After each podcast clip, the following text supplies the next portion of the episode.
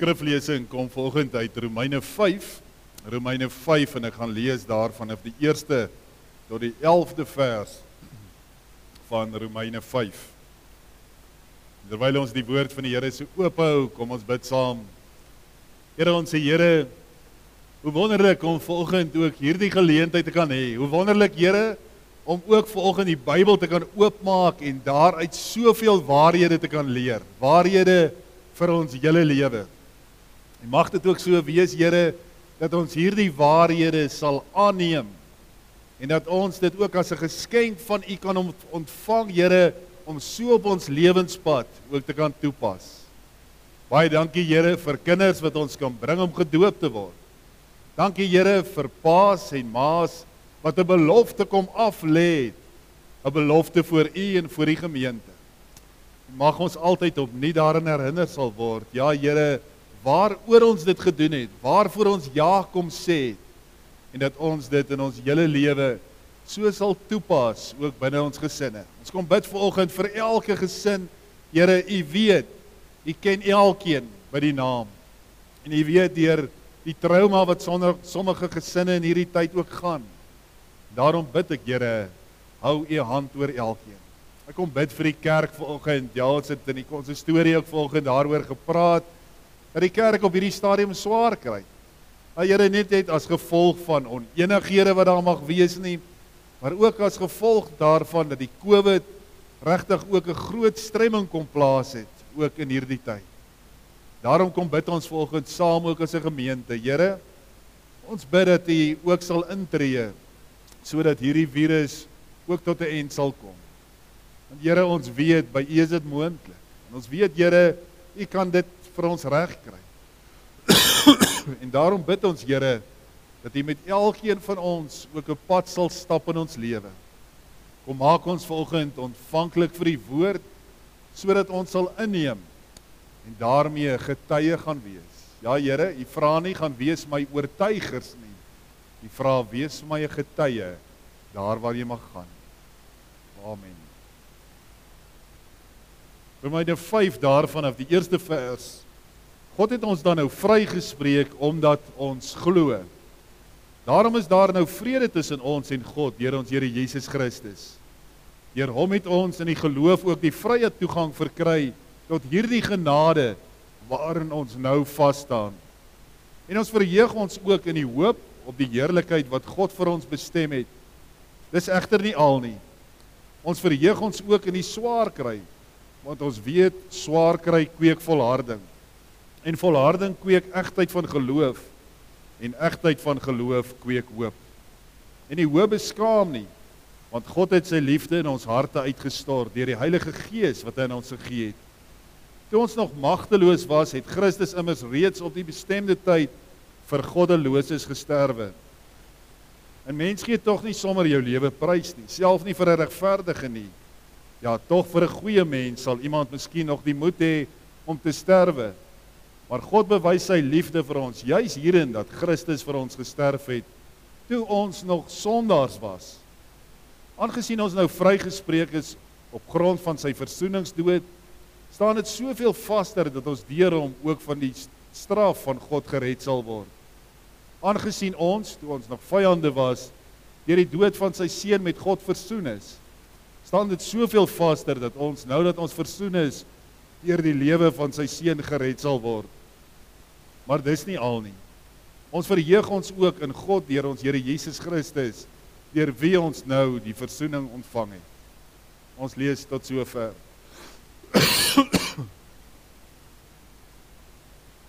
Liewe vriende in Jesus Christus, ek het nou so 2 Sondae terug daarop Elliot ook gepreek oor God se genade.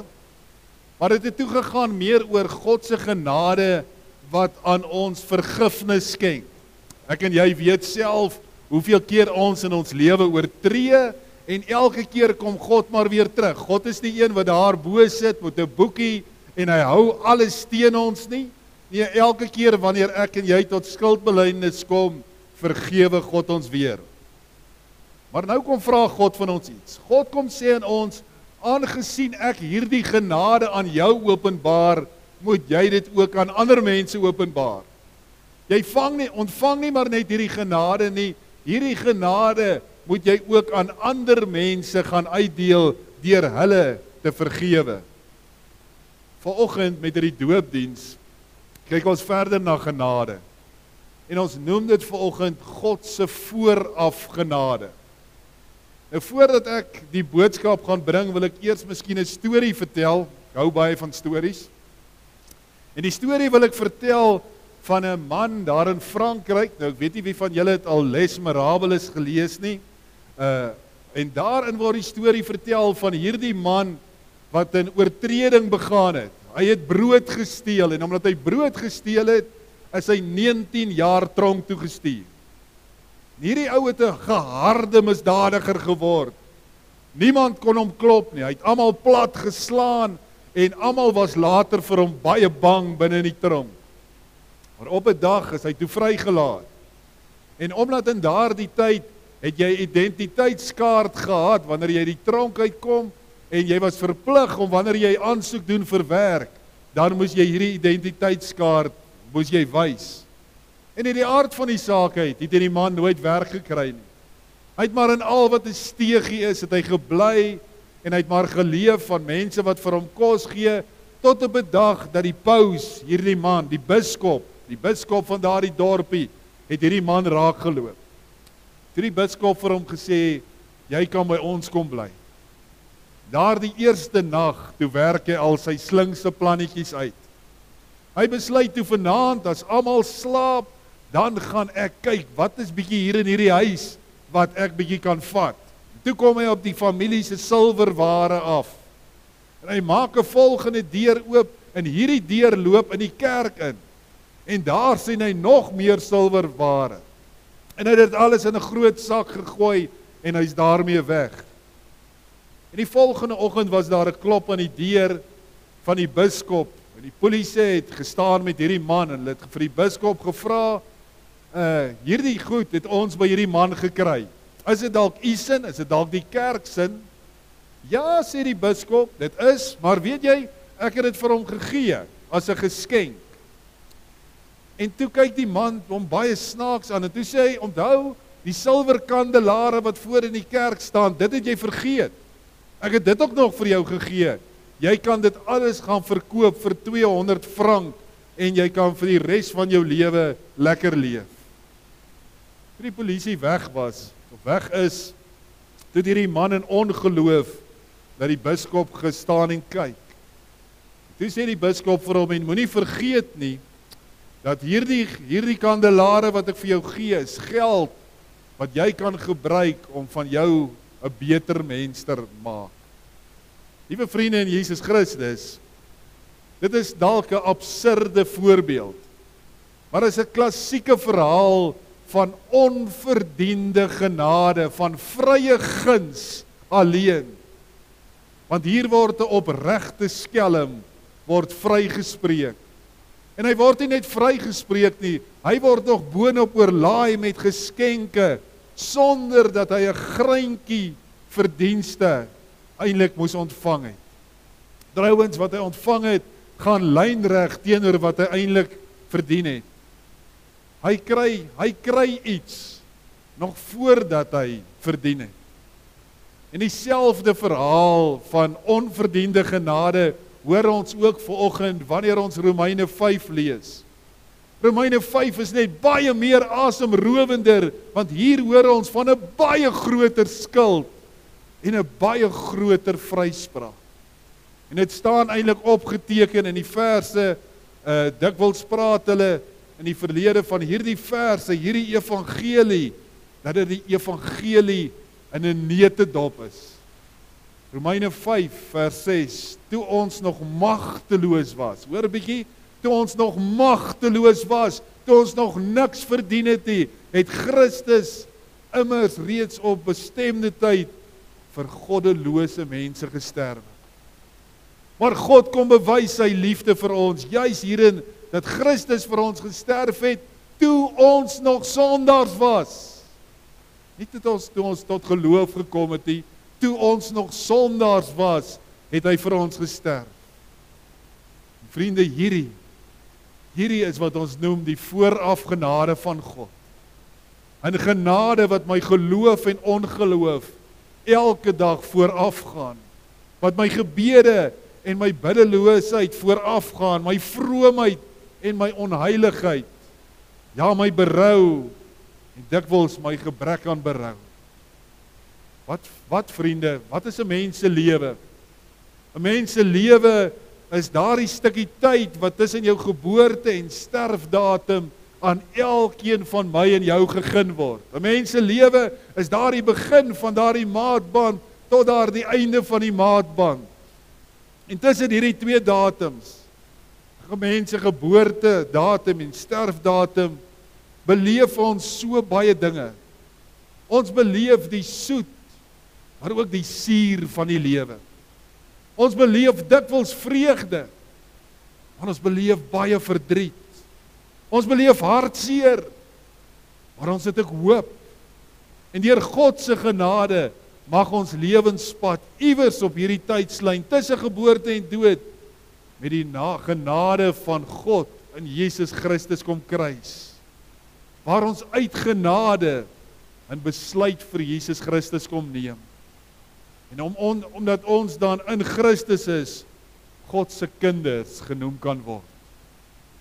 En ons sou egter vriende in fout maak as ons sou dink dat ons verhouding met God en ons verlossing eers in hierdie beslissingsmoment gebore is, ook dat dit geheel en al afhanklik is van ons besluit Johannes 15 vers 16 sê en lees dit saam met my.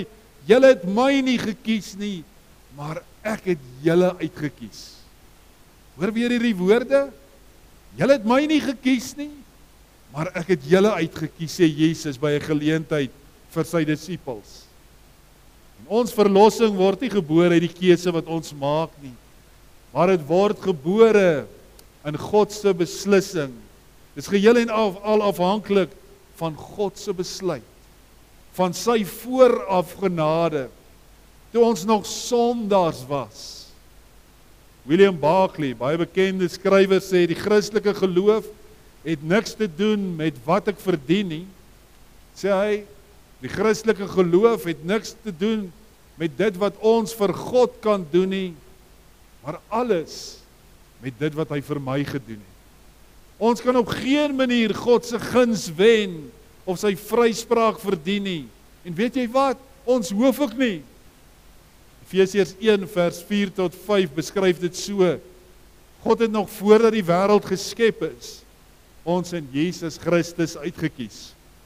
In sy liefde het hy ons toe al bestem om in Christus sy kinders te wees. Dit het hy hom voorgenem nog voordat ek en jy gebore is. Nog voordat die wêreld geskep is, nog voordat ons bestaan het. Maar vriende, God het jou en my al gesien nog voor ons gebore was. Voordat ons aan mekaar gewewe is in ons moeder se skoot. Of soos Psalm 139 vers 15 tot 16 lees, al my lewensdae was in sy boek opgeskryf nog voordat ek gebore is. Dit vriende. Dis die evangelie in 'n netedop. God kies uit. En God dank, wanneer God uitkies, is God nie kieskeurig nie. Hy kies ons almal nog voordat ons gebore is, nog voordat ons nog voordat ons ons sonde kan bely. Nog voordat ons 'n keuse vir hom gemaak het. Daarom ek het dit net ook aangehaal toe ek gebid het, lied 190 vers 2 gaan ons dit sing in genade groot en ryk bou u Heer u koninkryk voordat ek kon kies kon vra het u seun alreeds my vloek gedra. Ek kon vind u het my gekry voordat ek nog my skuld bely. Wow! Hoor jy dit vanoggend voordat ek my skuld bely. Here u my al uitgekies. Dan voordat ons hom ken stort hy die genade in ons in. Skenk hy die geloof. Gryp hy ons. Kom neem hy ons in besit. En vriende, vraag is, beteken dit nou dat ek maar in my lewe kan maak soos ek wil? Nee. Die vraag is, ontvang jy God se geskenk? Die vraag vanoggend aan elkeen van ons is, Kom staan jy ver oggend bakhand voor God en sê God, ek wil u genade as 'n geskenk ontvang. Ja, daar is baie baie mense wat God se genade verwerp. God se genade teruggooi in sy gesig. Maar kom ons los dit nou eers daar. Om terug te kom na God se voorafgenade, jy's hierom, jy's uit genade, kan ons nie anderste as om kindertjies te doop nie. Want ons doop nie kindertjies op grond van hulle geregtigheid of op grond van hulle geloofsbelijdenis of op grond van hulle prestasie of op grond van hulle geloof nie. Ons doop hulle ook nie omdat hulle min sonde het nie. Dat hulle onskuldig is nie. Nee.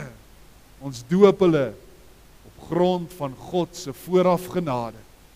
Nie dat die babatjie iets daarvan verstaan nie. Sê hy verstaan niks daarvan nie, maar juist daarom is die babatjie sulke ideale ontvangers van genade. Soos die Bybel sê in Markus 10 vers 13, wie die koninkryk nie soos 'n kindjie ontvang nie, sal dit nooit ingaan nie. Ja, by die doop, vriende, wil ons ook daarom sê, jy kan nie goed word op grond van jou versameling of jou versamelingkie goeie werke tot op datum nie of jou stand op die punte skaal van vroomheid by God nie. Al wat tel is God se barmhartigheid wat in die vorm van voorafgenade, die genade wat daar vir jou en my was voordat ek en jy nog was. Die genade wat klein CF van God ontvang. En daarom kon ons hom vanoggend doop. Vriende, dit bly seker, bly seker die grootste raaisel. Nee, nee, tragedies dat die mens hom maar altyd weer en weer teenoor die genade van God begin verset. Want die natuurlike neiging is ons maar altyd weer die redding in onsself te soek. Hierdie oersonde het iemand op 'n geleentheid gesê, bly maar niks anderste as 'n verfynde stukkie hoogmoed nie. Die ek. Ek is tog vir my eie verlossing verantwoordelik. Ek is tog so goed. Ek is tog so oulik. Ek ek en dit maak ons meeste van die tyd maak ons dat ons 'n verskywing maak. Wat bedoel ek? Ja, ons maak meesters van verskywing. Ons verskuif dit wat God beskik na dit wat ek sogenaamd besit. Ons verskuif wat God besluit na dit wat ons bereik. Ons verskuif dit wat God uit vrye genade aan ons gee na die gawe van menslike vermoëns.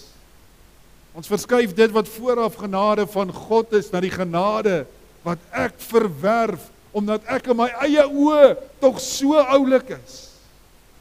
Vriende, iemand wat werklik verstaan wat dit beteken om genade te ontvang, kan nooit selfvoldaan oor hom of haarself wees nie.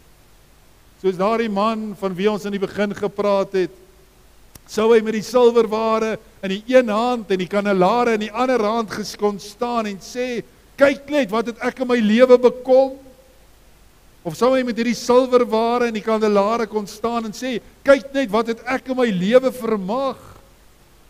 Nooit. Hy het dit dan gesteel. Wat hy wel sou kon sê ja ek het die ou man lekker uitgevang maar ek wil my sonde kom bely. Dit gebeur so min.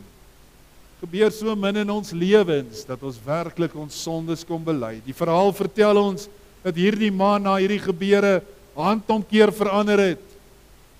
Hy die kandelare as 'n klein noot behou, as 'n kosbare besitting, 'n kosbare herinnering wat dit beteken om in die teenwoordigheid van naakte genade te kom en die res van sy lewe het hy daarom gewy om ander mense te help. Hoekom vriende?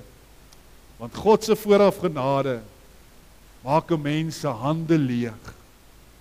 Dit soos ons sing in lied 239 vers 3 leeg net met my sonde las hou ek aan die verdienste vas. Dit maak ons hande leeg want ons besef ons kan eintlik niks aan God bied nie. Maar dit maak ook ons hande vol. Dit maak ons hande vol van gawes uit God se hand. Gawes soos vergifnis gawes soos genade Gawes soos geduld. Gawes wat ons hande so vol maak dat ons nie anders te kan is om waar ons gaan dit te gaan uitdeel nie vergifnis, genade en liefde aan ander mense rondom ons. Die gawes van liefde.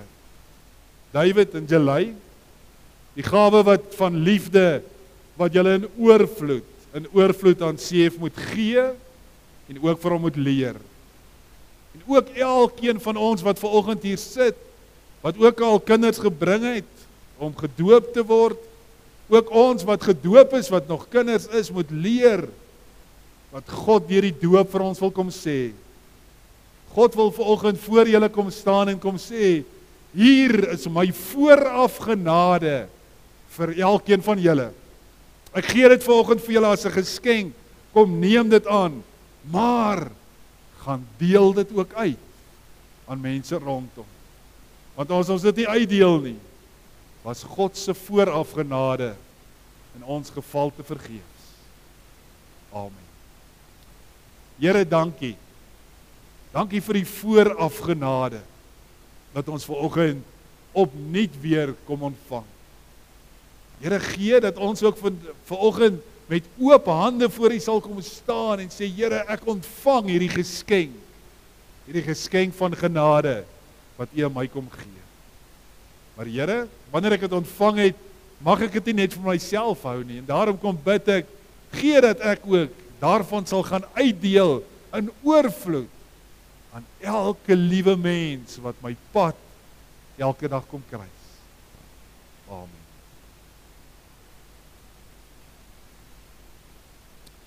As ek reg het die offergawes word nie nou opgeneem nie, nê. Goed dan is dit die slotsang.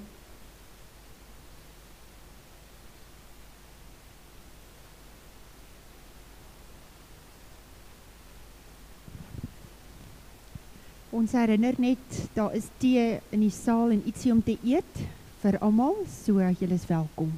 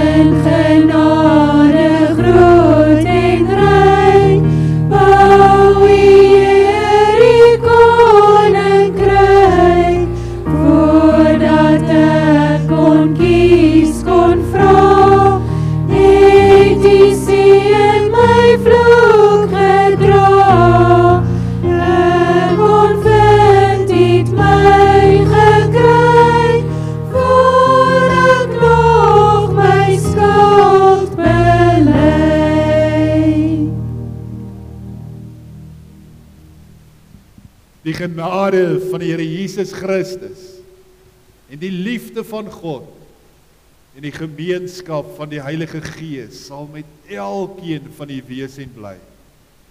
Amen.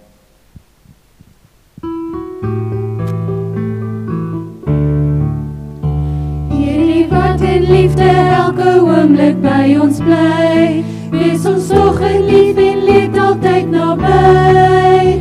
Sou 'n oor ons twyfel, Here maak ons tog volhardend in geloof.